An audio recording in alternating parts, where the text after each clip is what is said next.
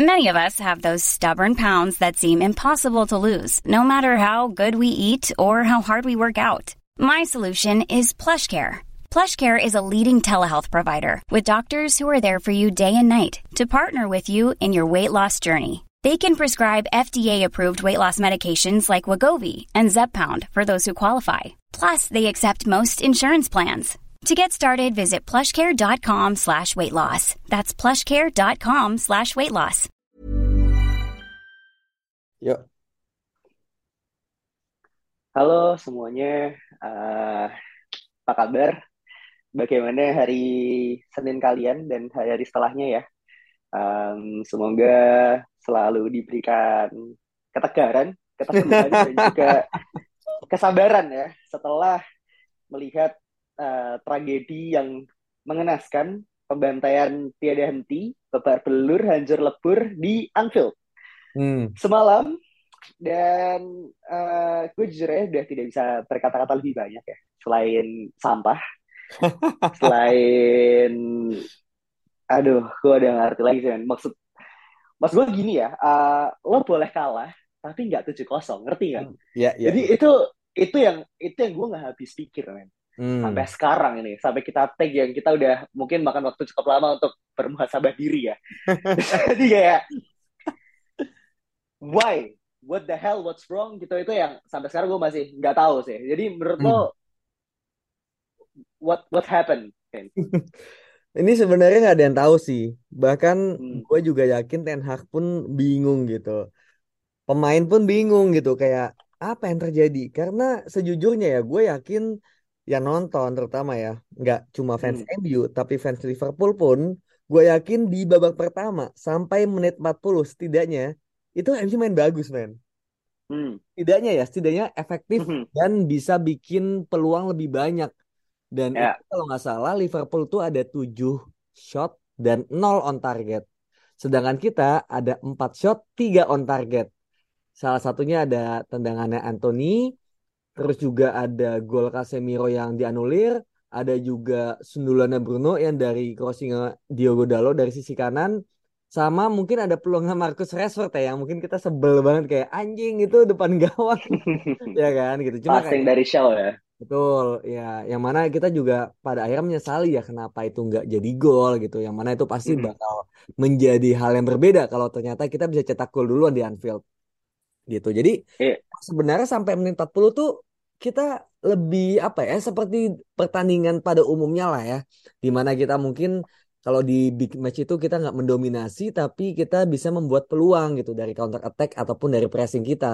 Cuma somehow and then tiba-tiba di menit ke-40 berapa ya 41 kalau nggak salah ya. Itu ada sebuah kesalahan ya. Kesalahan ini menurut gue juga memang bukanlah kesalahan individu ya. Tapi memang kesalahan kolektif yang mana disorganisasi pertahanan gitu. Dan ini mungkin yang gue sorot adalah bagaimana seorang sweeper kiper itu ternyata memang sepenting itu men. Lu bisa Hmm. lihat Ellison ya, itu posisinya kayak DM, maju banget, kayak DM dan dia umpan ke Robertson. Nah, kalau De Gea tuh nggak bisa kayak gitu men gitu, nggak akan bisa setinggi itu. Mungkin ngumpannya bisa, tapi setinggi Ellison itu tuh nggak bisa gitu loh. Itulah Hmm. kenapa sampai sekarang pun gua masih bilang meskipun ada ini ada sosok senior, tapi mau nggak mau kita tuh harus punya kiper yang seperti itu gitu. Itu Hmm. Robertson pegang bola, diumpan. Nah, kalau yang gue juga mungkin tadi eh, banyak ya kita di Twitter pasti melihat banyak analis-analis gitu. Ternyata Anthony ini nggak track back man gitu. Dia jogging. Yang bikin Hmm. Robertson ini kosong dan Diogo Dalot akhirnya harus cover Robertson. Nah harusnya Diogo Dalot ini kan covernya Cody Gakpo kan. Cuma Robertson ini akhirnya di cover sama Dalot karena Anthony itu nggak track back gitu. Nah, dari situ Dalotnya jadi out of position kan. Nah, yang harusnya jaga si Gakpo itu harusnya tuh si Anthony mundur. Cuma dia tuh nggak mundur-mundur, dia jogging. Nah, akhirnya Fred berinisiatif lah, dia ngejaga area kan, area kanan. Cuma mungkin clumsy lah, dan dia nggak nyangka bahwa. Robertson ini bisa ngumpan sebagus itu ke Gakpo gitu. Dan ya petakanya lah ketika Fred agak slip kan di situ. And then Gakpo bisa ke kotak penalti. Dan kesalahan selanjutnya adalah Rafael Varane. Yang mana itu menurut gue um, apa ya untuk seorang Varane itu ya oke okay lah one big mistake sih menurut gue karena dia terlalu maju dan terlalu apa ya overcommit kali ya nama istilahnya Hmm.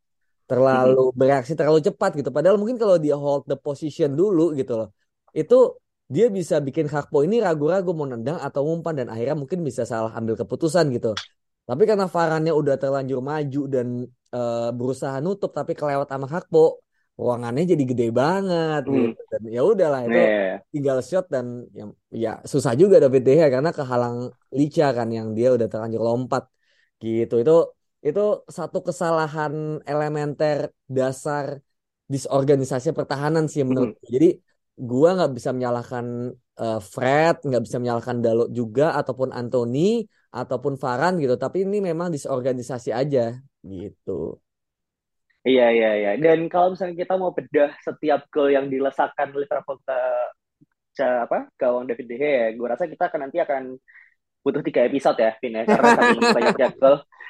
Jadi, pasti kita kita kita ambil ambil em, apa ya, bigger picture lah, ibaratnya gitu kan. Dan ini ini bukan kali pertama United itu dihukum karena dia tidak bisa klinikal kan di depan gawang gitu. Jadi ketika eh, awal babak pertama gitu di mana United masih sempat bisa bikin beberapa peluang, gue sempat merasa bahwa apa ya ini will will come back to haunt us sih gitu. Apalagi lalu lawan Liverpool di Anfield kan. Ternyata bener setelah gol di Gakpo, uh, babak kedua kita sama sekali tidak dapat lawanan lah.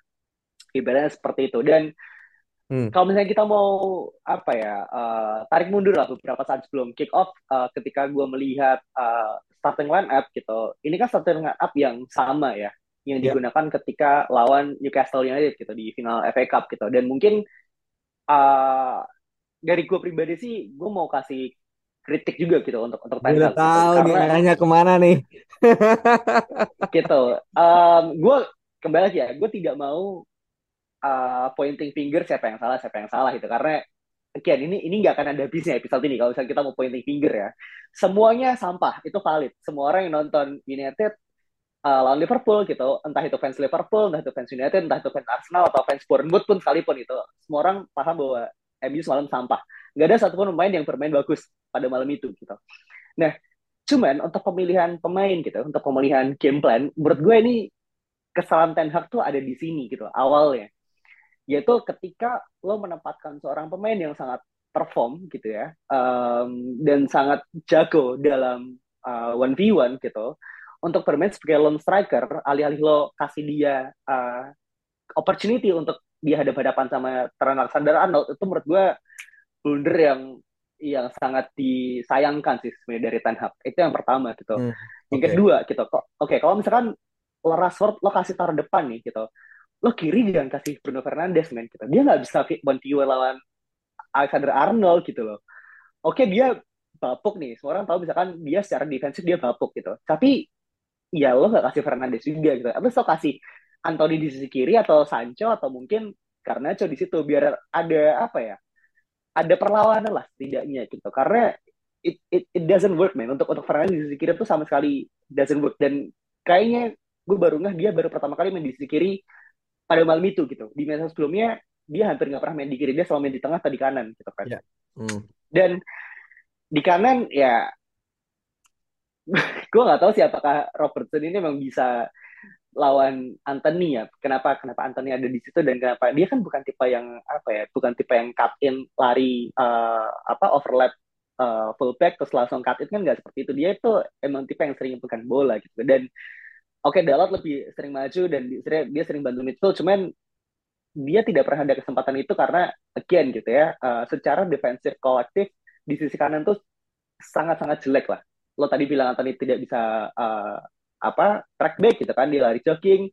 Dalot pun on the other hand dia juga tidak punya kemampuan defensive ability seperti uh, apa uh, Aaron Bisaka gitu. Jadi kayak it's, it's a disaster in the making lah. Di tengah nah ini aduh gue sangat menyayangkan sih. Kenapa lo tetap masih pakai Weghorst di pertandingan lawan Liverpool gitu? Di mana lo butuh pemain yang cepat lo butuh pemain transisi yang cepat quick counter attack tapi setiap bola ada di tengah gitu itu jadi lambat men gitu. Dan aneh banget lo punya midfield Casemiro Bruno Fernandes dan juga Fred tapi lo sama sekali nggak menang midfield lawan Harvey Elliott, lawan Jordan Henderson, dan gue sampai lupa satu lagi siapa Fabinho, Fabinho. gitu. Jadi kayak Hmm. itu aneh banget menurut gue. Hmm. Dan apalagi ditambah di babak kedua kayak Roy Keane juga bilang kan, lo ketinggalan 1-0 di Anfield, lo keluar lapangan, lo masih setengah-setengahnya, lo masih hahaha itu kayak mental lo di mana gitu. Kayak seolah-olah para pemain ini yakin lo bisa comeback gitu. Hmm. Setiap matchnya. Tapi kan ya di Anfield juga bro gitu. Dan eh, don't start with the defensive performance ya. Menurut gue semuanya sampah banget lah gitu. Ya, even David De Gea. Jadi kayak lo baru minggu kemarin, baru tiga hari lalu lo dikasih penghargaan bro. Ngerti gak lo? Jadi kayak kalau bisa dibalikin lo dibalikin aja tuh penghargaannya. Jadi kayak aduh itu menurut gue Ten Hag udah berbaik hati dia masih mereka semua masih pulang naik bis sih daripada mereka pulang naik ini ya kereta dan dihantam sama fans-fans United yang travel ke sana. Eh, harusnya jalan kaki ya dari Anfield ke Carrington ya. Harusnya sih begitu harusnya gitu. Maksudnya Bawa aja lo koper nggak kasihan apa? Iya, Iya, iya. lo nggak kasihan sama yang mau nonton gitu kan.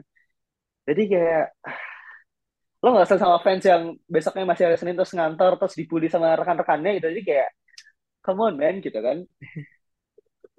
Itu sih sebenarnya maksudnya itu itu itu Hmm. catatan yang menurut gue sangat krusial di mana Ten Hag harusnya tahu lebih better daripada itu sih gitu. Hmm, I see. Paham, paham. Iya, ya. Gua gua beberapa poin most of uh, your point gue setuju gitu. Kayak Rashford gitu. Kayak mungkin plannya memang Rashford itu untuk uh, menghajar highline defense-nya Liverpool kali ya tadinya gitu kan. Untuk mungkin nanti umpan dari Bruno dari kiri atau dari Anthony itu langsung ke tengah gitu kan. Cuma ternyata didn't work uh, that way gitu. Dan benar juga kayak karena tren ini apa ya mungkin agak vul- vulnerable gitu kan di kanan gitu. Kenapa nggak dikasih yang cepat gitu kan? Mungkin Rashford atau ya bener Sancho gitu kan. Mungkin Sancho nggak secepat itu cuma Rashford lah setidaknya kan. Cuma mungkin kenapa nggak di situ? Karena penyerangnya nggak ada gitu kan. Apa iya Weghorst harus nomor 9 lagi kan gitu. Nah kalau misalnya gelandang Weghorst gue satu sisi ya gue masih masih ngerti gitu. Kenapa? Karena gelandangnya Liverpool ini kan memang apa ya pekerja keras. Dan itu kita harus menang duel. Dan pemain yang sering menang duel itu kan sebetulnya ya di atas kertas itu adalah Weghorst yang mana pressing dan kemudian bisa nahan bola itu sebetulnya plannya gitu. Cuma memang menurut gue di sini part eh, fatalnya adalah eksekusi juga gitu. Mungkin plan Ten Hag tuh udah bener semua men. Dengan Bruno taruh di situ kemudian Weghorst di tengah Rashford di penyerang Anthony di kanan itu mungkin secara plan udah betul. Cuma mungkin memang pemainnya sendiri yang ketika eksekusi itu nggak bisa menjalankan itu dengan baik. Yang mana pada akhirnya ya let Ten Hag down lah kasarnya gitu ya. Gitu sih. Dan itu kan kita juga bisa lihat dari em, apa ya mungkin babak per- babak kedua awal-awal ya. Gue selalu merasa bahwa dan gue yakin semua setuju bahwa momen atau menit-menit krusial itu ada di akhir babak pertama atau awal babak kedua. Itu adalah menit-menit krusial untuk menghancurkan mental. Nah, kalau misalnya skor kita 0-0 nih ya sampai akhir babak pertama itu masih sangat terbuka gitu untuk babak kedua lebih berimbang. Cuma ketika kita mendominasi, kita bukan mendominasi, ya, kita mungkin lebih bagus, lebih banyak menciptakan peluang. Kemudian di akhir babak pertama tiba-tiba kebobolan, itu mental kita down banget gitu loh. Dan kita masih punya chance sebetulnya, yaitu di awal babak kedua. Kita harus bisa cetak gol cepat. Itu menurut gue satu-satunya kesempatan itu di mungkin 10 menit pertama ya, Hmm. di babak kedua. Dan itu kalau kejadian sebalik yang terjadi, yang mana itu adalah hal yang sebenarnya terjadi ya, itu kita yang hancur main gitu. Kita bisa lihat bahwa Mm-mm. MU di awal babak kedua itu kita langsung pegang bola, kita agresif, kita main dari belakang. Cuma sayangnya Luke Shaw kesalahan dasar lagi, lagi-lagi gitu kan, salah passing. Dia passing ke tengah malah ke ya gue nggak tahu ya salah atau Elliot atau siapalah gitu. Udah, itu baru menit 46 kalau nggak salah atau 47 Hmm. tiba-tiba langsung dibobol lagi sama eh, Darwin Nunes dan kalau kita lihat golnya lagi tuh kayak bener-bener yang scrimmage di tengah Casemiro gagal menangin bola kemudian Fred juga gagal menangin bola clearance-nya gagal semua. Lu lu bisa lihat Elliot sama Salah di kanan kosong banget dan Luxio tuh terlalu ke tengah gitu mepet sama Licha. Itu kayak wah ini sih emang disorganisasi pertahanan gitu. Salah dengan mudahnya langsung ngoper ke Elliot Elliot crossing. Nunes gak ada yang jaga. Anjir men Darwin Nunes dua gol lawan MU itu anjing banget. Itu tai banget gitu loh. Yang biasanya Eh, miss di every single chance-nya gitu. Ini lawan MU dua gol gitu kayak oh, tai sih ini berarti memang kacau banget pertahanannya gitu. Jadi mhm, menurut gua momen kehancuran MU itu ya gol Nunes itu yang kita mungkin mentalnya eh, lagi mencoba eh, naik ya, tapi tiba-tiba mhm, kebobolan gol yang dari salah kesalahan sendiri itu hancur udah. Ditambah tiba-tiba Licha, gue nggak tahu kenapa madep ke arah gawang kita ya gitu kan gol ketiga kan. Dia agak agak ini ya mungkin ya day off lah ya gitu kan. Mhm, kebingungan lawan Mo Salah tiba-tiba kepleset ya golnya Cody Gakpo keren sih. Itu itu pas udah tiga nol tuh kayak gue udah hmm, kelar udah. Tapi gue juga nggak pernah nyangka mhm, tujuh sih. Tapi once udah tiga nol itu men- mental tuh udah benar-benar jatuh sih. Jadi mhm. Dan semalam, mhm, ya ya eh, dikit lagi Eh, ketika misalnya apa ya tadi teknis dan taktik-taktik yang udah kita jabarkan semuanya mungkin itu jelek ya. Yang menurut gua mental itu adalah faktor utamanya gitu. Kayak somehow mentality semalam nggak kelihatan dan ya mungkin satu pemain yang kita agak kecewa ya itu ya Bruno Fernandes itu sendiri sebagai kapten dia mhm, mungkin ya apa ya menyerah lah kasarnya gitu ya menyerah gitu. mhm, Ada momen di mana dia dilewati sama Bacetic gitu kan dan dia kayak ya udah nggak ngejar men gitu kayak men come on men gitu kejar lah gitu kayak itu di pertahanan kiri kita gitu. Jadi menurut mhm, mental sih yang udah kena selain daripada teknikal ya. mhm. Dan ini eh, beberapa catatan historis ya dari pertandingan semalam bahwa kemarin itu adalah kekalahan terbesar United di eh, gak hanya Liga Inggris ya, tapi kayaknya di sepak bola Inggris ya. Selama setidaknya 92 tahun terakhir, men. Itu bahkan Perang Dunia Pertamanya belum mulai tuh. Itu belum kepikiran tuh kan. Jadi udah MU kalah 7-0 gitu lah Liverpool. Dua gol dari Gakpo gitu ya, pemain yang selama musim panas kemarin kita incar dan akhirnya gabung ke Liverpool dan yang seharusnya kita kasih kesempatan ke penonton ya bahwa dia flop itu ternyata dia menunjukkan tajinya gitu kan. Nunes pemain yang selama beberapa waktu terakhir ini kita bully-bully terus akhirnya ya dua gol tadi sangat kebangetan. Muhammad Salah juga akhirnya jadi ini ya uh, top skor Liverpool untuk. Premier League. Ya kan itu kita sangat-sangat generous sekali sih dan kita kasih ke semua kesempatan itu ya. Bahkan Roberto Firmino yang mau cabutnya kita kasih gol perpisahan juga. Lo bayangin betapa betapa sampahnya kan United ini. Iya iya iya iya. Gue gue sampai gue sampai bingung kan mau mau mau bahas dari sisi mana lagi gitu. Dan sebenarnya ya sebenarnya sepanjang musim ini gitu kita tuh progresnya sangat bagus menurut gue gitu.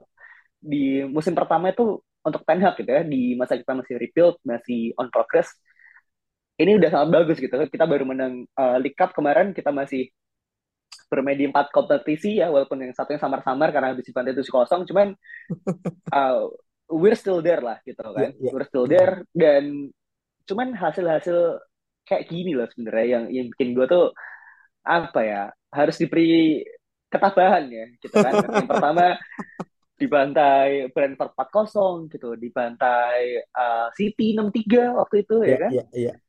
dan sekarang kita harus uh, dibantai lagi 7-0 menurut gue ini uh, kebangetan sih men gitu dan kalaupun misalnya um, ketika lawan Brentford Ten Hag nyuruh mereka untuk lari ya uh, 17 kilo ya waktu itu ya. Ini sih tujuh kosong sih harusnya ngiterin kota Manchester sih men gitu gue gitu. Sambil minta maaf ke, ke warga sih itu itu udah paling masuk akal sih. Dan Iya apa iya. ya kayak hasil-hasil ini tuh yang, yang bikin yang bikin progres musim kita tuh jadi kelihatan sampah di mata rival gitu kan Hmm. dan kalau misalnya fans gitu kita fans kita bilang kayak oh ya gimana pemain kita kecapean nih main tiga hari sekali gitu kan ya 6 dari 11 pemain yang starting itu di match lawan Cup kemarin itu sama sekali nggak main 90 menit men, gitu. Mereka bahkan di sub kan dan bahkan ada beberapa di antara mereka tuh main nggak lebih dari 45 menit bahkan. Casemiro, Fred, um, Rashford, Varane, Martinez itu bahkan nggak main kemarin gitu. Dan penampilannya kayak kayak lo baru main kemarin sore terus lo disuruh main lagi gitu selama situ gitu. Jadi apa ya? Gue tidak menerima alasan United itu kalah karena pemainnya kecapean sih. Mental mungkin iya kayak tadi lo bilang gitu kan. Ya, Cuman ya. kecapean menurut gue tuh sangat nonsens gitu. Apalagi di musim lalu gitu ya, gue sempat lihat juga kayak Liverpool tuh ternyata main juga di empat kompetisi gitu. Hmm. Dan mereka berada di uh, peringkat kedua gitu di Premier League, uh, runner up Liga Champions juga, menang F F FL Cup dan juga menang FA Cup. Jadi kayak lo main empat kompetisi itu bukan alasan sebenarnya gitu untuk lo bermain sampah gitu. Lo kalah nggak apa-apa bro gitu. Tapi nggak tujuh kosong dong. Paham kan Hmm. maksud gue gitu. Jadi Ya. kayak Hmm. ke- ketika dua kosong gue masih berharap oh mungkin kayak Real Madrid nih comeback kan. Tapi ya karena bola tuh bundar ya. Jadi hasil juga berputar gitu kan. Kita ngalahin Barcelona, Barcelona ngalahin Real Madrid ya kan. Real ngalahin Liverpool, Liverpool ngalahin kita. Jadi kayak Balik ya lagi ya. Iya betul. Iya iya iya benar-benar. Eh apa ya kayak memang kalau misalnya ngomongin progres Ten Hag gitu ya, gue juga merasa bahwa ya sebetulnya kita juga on track dan apa ya ke atas lah gitu ya. Trennya juga bukan lagi tren menurun gitu. Bahkan ketika lawan Brentford, lawan City, setelah itu kita juga bisa bangkit. Dan gue juga sangat yakin bahwa setelah 7-0 ini juga gue yakin banget ini bakal bangkit gitu. Tinggal yang kita tunggu mungkin hukuman seperti apa nih yang Ten Hag bakal kasih. Karena katanya di hari Senin ini kan jam 9 pagi itu udah mulai latihan ya. Dan Ten Hag ini Hmm. jam dua jam sebelumnya udah ada gitu. Mungkin dia memikirkan ya ini pemain mau gua apain gitu kan. Kemarin lari udah. Dan eh, mungkin sebagai catatan ya katanya jum eh, apa ya total jumlah larinya dalam kilometer ya MU lawan Liverpool kemarin itu terendah di musim ini setelah Brentford ya. Hmm. Setelah melawan Brentford itu eh, lawan Liverpool ini adalah yang terendah gitu. Berarti memang nggak banyak melakukan running atau pressing gitu. Ya, ya wajar aja karena lu udah males gitu. Lu udah nggak udah nggak mau fight gitu. Jadi memang eh gue juga pengen tahu ya hukuman seperti apa ya. Semoga bukan hukuman yang benar-benar nggak manusiawi ya. Karena Ten Hag juga pasti melakukan kesalahan dan dia juga menurut gue harus bertanggung jawab juga atas itu gitu. Jadi memang apa ya nggak bisa diterima sebetulnya 7-0 karena 3-0 4-0 aja udah telak banget gitu at least seharusnya memang ada perubahan dari sisi strategi kan gitu kayak ya udah ketika udah 3-0 4-0 udah lu nggak usah terlalu bernafsu nyerang lagi gitu kayak ya udah lu pertahankan shape organisasi dibenerin main pelan-pelan aja main possession gitu kan harusnya kan gitu. Cuma yang Hmm. masih gerasa kerusuk gitu yang mana lu lihat golnya Mo Salah gitu yang pertama itu kan counter attack man gitu. Kayak anjing gol apaan tuh? kayak gitu. Terus golnya Hmm. salah yang kedua itu kan scrimmage juga di depan kotak gitu. Kayak Shaw atau Martinez ngebuang bolanya nggak bener gitu. Kayak apaan sih golnya? Gol nggak jelas semua gitu loh. Golnya siapa? Firmino juga kayak lah apaan sih? gitu. Gol-gol yang terlalu terlalu mudah gitu loh. Gol-gol amatir menurut gua gitu. Cuma mungkin gol Gakpo aja ya sama Nune ya gol Gakpo sih yang pertama yang keren. Sisanya menurut gua gol sampah semua gitu loh. Gol karena udah males gitu dan kalau udah males itu kan balik lagi mental gitu dan mungkin nambahin dikit kalau misalnya lu bilang tadi masalah kecapean mungkin ya mungkin karena MU nggak terbiasa bermain high intense gitu. Mungkin jumlah pertandingannya sama ya gitu kan jumlah pertandingannya sama kayak musim lalu atau sama kayak Liverpool tapi Liverpool ini udah dibangun men gitu loh untuk bermain dengan cara high intense high pressing gitu. Jadi kalau nggak kalau nggak salah tuh ada eh, apa ya matrix untuk mengukur apa ya kekuatan paru-paru manusia itu kalau nggak salah namanya VO2 max gitu. Nah itu tuh ada angkanya mungkin gue lupa yang angka 80 atau 90 gitu. Jadi makin tinggi itu artinya kemampuan paru-paru untuk menghirup udara itu lebih bagus gitu. Larinya lebih kuat lah kasarnya gitu ya. Stamina lebih bagus. Kalau VO2 Hmm. max-nya lebih tinggi. Nah itu kalau nggak terbiasa main high pressing, tiba-tiba main high pressing mulu tiap pertandingan, itu pasti Hmm. capek men gitu. Jadi Hmm. poinnya bukan di jumlah pertandingannya, tapi lebih kepada cara bermainnya gitu. Kita tahu lah gitu di zaman Rangnick nggak bekerja kan high press kan gitu. Kemudian di zaman Ole juga kita nggak bermain high press, kita lebih kepada eh, zona kan menunggu di belakang ada counter hajar gitu. Kemudian zaman Mourinho juga. Jadi kita emang nggak pernah main high press gitu. Tiba-tiba kita main high press, pemainnya juga mungkin nggak banyak pilihannya, jumlah pertandingannya juga banyak. Yang mana tiba-tiba ada playoff nggak penting kan di Europa League dan kita main di semua pertandingan yang ada. Ya menurut gue itu adalah apa ya kayak akumulasi gitu loh. Akumulasi dari pertandingan-pertandingan kemar- kemarinnya gitu. Yang mana kita lihat ya di awal pertandingan Casemiro juga sempat kayak pincang gitu. Itu juga mungkin ya bagian dari itu gitu loh. Jadi faktor itu banyak banget nggak cuma kayak oh main di empat kompetisi cuma pertandingan sama kayak Liverpool enggak gitu Liverpool udah biasa main-main high press main pressing itu udah sangat biasa MU nggak pernah main kayak gitu dan sekarang baru bisa main dan tiba-tiba pertandingannya banyak gitu jadi akan ada downnya dan kebetulan downnya itu ketika lawan Liverpool ketika mentalnya juga kita kena dan mereka ketika kita udah 2-0 3-0 mereka nggak stop tapi malah makin ngehajar gitu. Jadi memang ya jatuh tertimpa tangga terus ketimpa durian aja, durian runtuh gitu loh. Durian runtuh dalam konotasi negatif ya gitu. Jadi memang memang kebetulan yang tidak baik aja sih menurut gue. Jadi jujur ya, jujur ya, gue gue nonton tuh gue ketawa-ketawa men gitu. Gue nggak sedih karena hmm. karena ya udah gitu. Emang gue nggak bisa terima. Yeah, yeah, yeah. Kayak gue yakin ini tuh bukanlah sebuah kemunduran tapi it just a dip aja loh kayak cuma ya lu lagi jatuh karena sebuah hal karena hmm. ada akumulasi kecapean dan mungkin euforia ya karena show juga bilang kalau sejak menang Karabo tuh kita masih belum bisa nih balik ke performa awal gitu wajar hangover gitu kan nah sekarang lah saatnya ya karena lu mungkin terlalu sombong ya pemain-pemain ya. Menurut gue emang harus hmm. humble gitu. Nah inilah cara humble-nya gitu dengan cara yang sangat-sangat sangat menyakitkan. Jadi gue yakin banget gue yakin banget ya itu kita akan segera bangkit dan gue nggak pernah ragu akan itu. Ya ya ya mungkin make sense yang lo bilang kalau misalkan apa namanya alat yang tadi lo bilang ya VO to Max tuh mungkin di Carrington nggak ada ya karena kan di Glazer nggak punya duit tuh buat beli jadi pemain tidak terbiasa lah. Jadi intinya kalah tujuh kosong ini salah Glazer lah. Jadi kita harap semoga dia bisa segera jual ya di klub ini gitu. Dan um, back again gitu, gue juga ketika nonton gue sama sekali tidak sedih gitu ya. Uh, marah ya, cuman gue juga merasa bahwa ini bukan suatu setback yang akan bikin kita mundur gitu. Uh, dan gue tetap yakin bahwa Rangnick adalah orang yang tepat gitu untuk membawa kita dari jurang yang sangat dalam ini gitu. Karena uh, dia punya standar dan punya sesuatu yang tidak dimiliki gitu oleh uh, pendahulu-pendahulunya gitu dan juga para hmm. pemain yang apa ya uh, mereka udah merasakan lah gimana rasanya juara gitu ya dan ketika setelah juara lo dihajar tujuh kosong kalau lo nggak malu sih lo kebangetan gitu hmm. jadi uh, apa ya ketika kalau misalkan kekalahan ini terjadi di era Rangnick gitu ya mungkin gue kan minta orang-orang untuk pada mundur sih.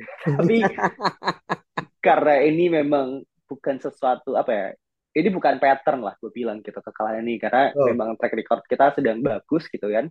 Dan segelap-gelapnya malam Mentari juga akan hadir kembali ya ke gue akan selalu yakin akan hal itu gitu. Dan setelah match lawan Liverpool ini di hari Kamis ya kita akan lawan Real Betis di Old Trafford ya. uh, kalau nggak salah dan ini akan jadi kesempatan yang tepat apakah mereka bisa bounce back atau enggak sih sebenarnya gitu. Dan ini yang kita uh, ingin lihat ya seperti apa gitu. Dan Betis ternyata di hari yang sama mereka dengan Real Madrid men.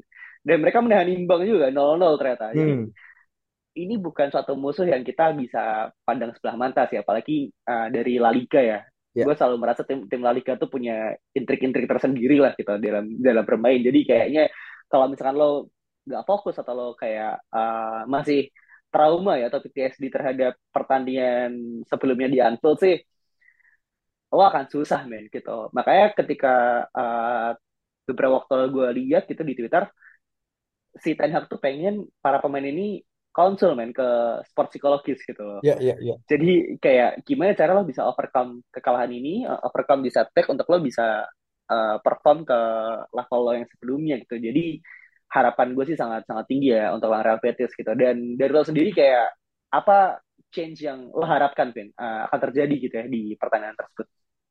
Kalau misalnya per, uh, perubahan kali ya. Kalau perubahan hmm. sebetulnya gini ya.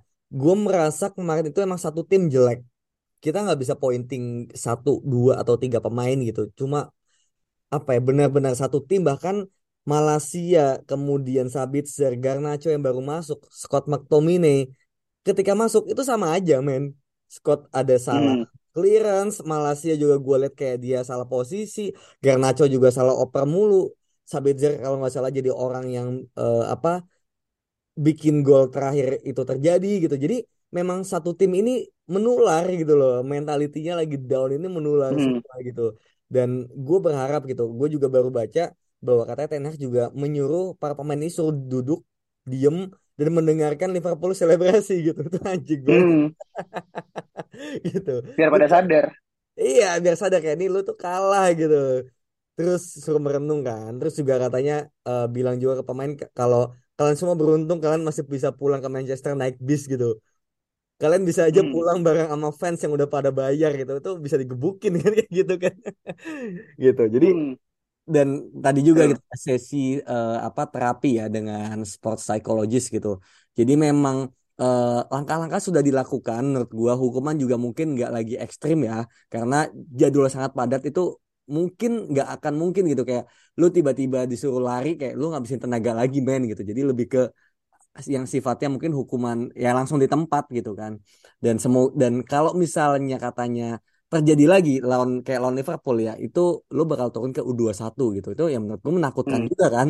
Kayak tiba-tiba lu hmm. lihat Bruno Fernandes atau Anthony tiba-tiba ke U21 kan memalukan sih. Jadi harusnya sih udah cukup takut ya gitu. Dan perubahan yang gua harapkan again lebih kepada mental sih gitu. Di mana semangat bermain eh apa mau ngejar bola dan juga eh, fight sih, fighting spirit gitu. Kalau masalah teknis, gue yakin sebetulnya nggak akan ada yang berubah gitu. Tapi yang penting tuh mental dulu aja gitu, bahwa kepala lu itu fokus eh, bermain di pertandingan dan lu mau menang. Kalau udah kayak gitu, teknik tuh bisa mengikuti gitu, gitu. Ya, Karena main kan pakai otak kan gitu. Sebenarnya banyak yang mikir mungkin main tuh pakai kaki, pakai tubuh gitu kan. Tapi enggak sebenarnya gitu. Lu main tuh pakai otak gitu. Kalau otak lu jalan, ya kaki, tangan dan badan lu tuh semua mengikuti gitu. Nah, itu dia. Otak itu berarti harus apa? Harus fokus dan mentalnya juga hmm. harus dijaga. Itu menurut gua. Dan ya menang satu nol pun nggak masalah gitu. Mau kita eh, berkali-kali nyerang akhirnya cuma bisa golin satu nggak masalah. Yang penting gue cuma mau melihat fighting spiritnya dulu aja gitu dan menang berapapun itu menurut gue akan jadi booster yang sangat bagus gitu karena kita juga main di home ya jadi gue berharap memang lebih kepada mental sih yang berubah Ya, ya, ya, setuju sih. Dan setelah apa ya, eh, setelah apa yang kita lihat gitu dengan Ten Hag menghadapi berbagai macam setbacks gitu, dan dia juga bisa untuk bikin tim ini punch back sih, gue yakin lawan Real Betis seharusnya kita bisa dapat hasil positif sih, gitu sih. betul-betul dan Nabil Fekir itu kan salah satu pemain pentingnya Betis ya. Itu juga dia cedera kalau nggak salah ACL atau apa gitu intinya cedera parah. Jadi menurut gue itu juga advantage ya buat MU yang mana MU kalau nggak salah nggak ada pemain yang cedera. Cuma mungkin kemarin Varane sama Shaw ya yang kabarnya mhm.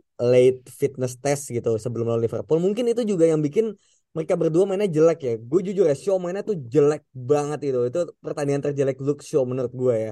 Dia salah Mhm. oper dia buangnya ke mana-mana gitu. Gue Ya, ya, plus 12 sama Dalot lah ya. Dalot enggak anjir ya, ya nah gue juga mau melihat bahwa pemain yang kemarin bermain menurut gue harus di drop gitu. Mungkin most of them ya kayak kasih kesempatan ke Wan Bisaka gitu kan. Untuk yang melihat kalau yang menilai Dalot jelek kemudian Wan Bisaka lebih pantas bermain oke mainin Wan Bisaka gitu Malaysia mainin backnya juga mungkin Maguire Lindelof mainin gelandangnya ya Kiper Casemiro ganti, bro. kenapa Kiper ganti tuh kiper. anjing lu mau apa anjir Tom Hinton ngeri juga Kiper sih ganti gitu tuh. kan Kuzak, Iya, Kuzak. Kuzak. Kayak Casemiro menurut gue masih penting gitu. Mungkin kasih ke Sabitzer gitu. Kasih dan Sabitzer. Bruno gue nggak tahu mungkin butuh istirahat juga gitu. Tapi mungkin masih oke dimainin. Kemudian kayak Garnacho, Sancho gitu. Rashford ya mungkin masih oke gitu. Beberapa mungkin pertahankan gitu karena nggak ada pilihan kan gitu. Jadi menurut gue ini harus banyak yang di apa diganti sih menurut gue. Bukan lebih kepada mereka jelek ya, tapi memang eh, supaya terpacu bahwa posisi lu tuh nggak aman gitu sih. Ya, ya, setuju. Dan mungkin terakhir ya, eh, gue tidak ingin pertandingan semalam itu menutupi bahwa kita sedang berada di track yang bagus gitu ya, seperti terlihat. Kemenangan 7-0 Liverpool Liverpool pun kemarin tuh tidak menutup ini ya fakta bahwa mereka masih 7 poin di bawah kita. Eh, mereka masih belum dapat trofi sama sekali dan kayaknya tidak akan, ya kan? Jadi Iya. pertandingan kemarin memang rasanya seperti cup finals lah bagi Liverpool. Jadi uh, ya udah nggak apa-apa lah ya gitu. Dan gue juga tunggu sampai akhir ternyata mereka nggak angkat trofi juga ketika bantai kita tujuh kosong jadi ya udahlah. Dan um, apa ya oke okay, pertandingan tersebut sampah gitu. Dan kalau misalkan fans Chelsea juga mau keluar-keluar ya silahkan gitu ya. Menurut gue uh, ya lo tau lah posisi lo di mana gitu sekarang gitu kan. Walaupun sesama samanya Graham Potter dia tidak pernah dibantu tujuh kosong ya. Cuman ya tau lah ya posisinya di gimana gitu. Dan kembali lagi gitu kita masih punya beberapa kompetisi yang kita bisa look forward to gitu ya. Masih ada FA Cup masih ada Europa League yang akan main besok dan gue masih berharap di akhir musim kita masih bisa melihat United angkat trofi kembali.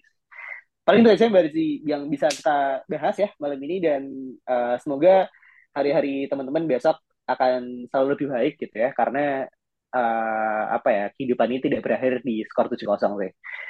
Dan thank you so much semuanya. Uh, we'll see you again next episode. Bye bye.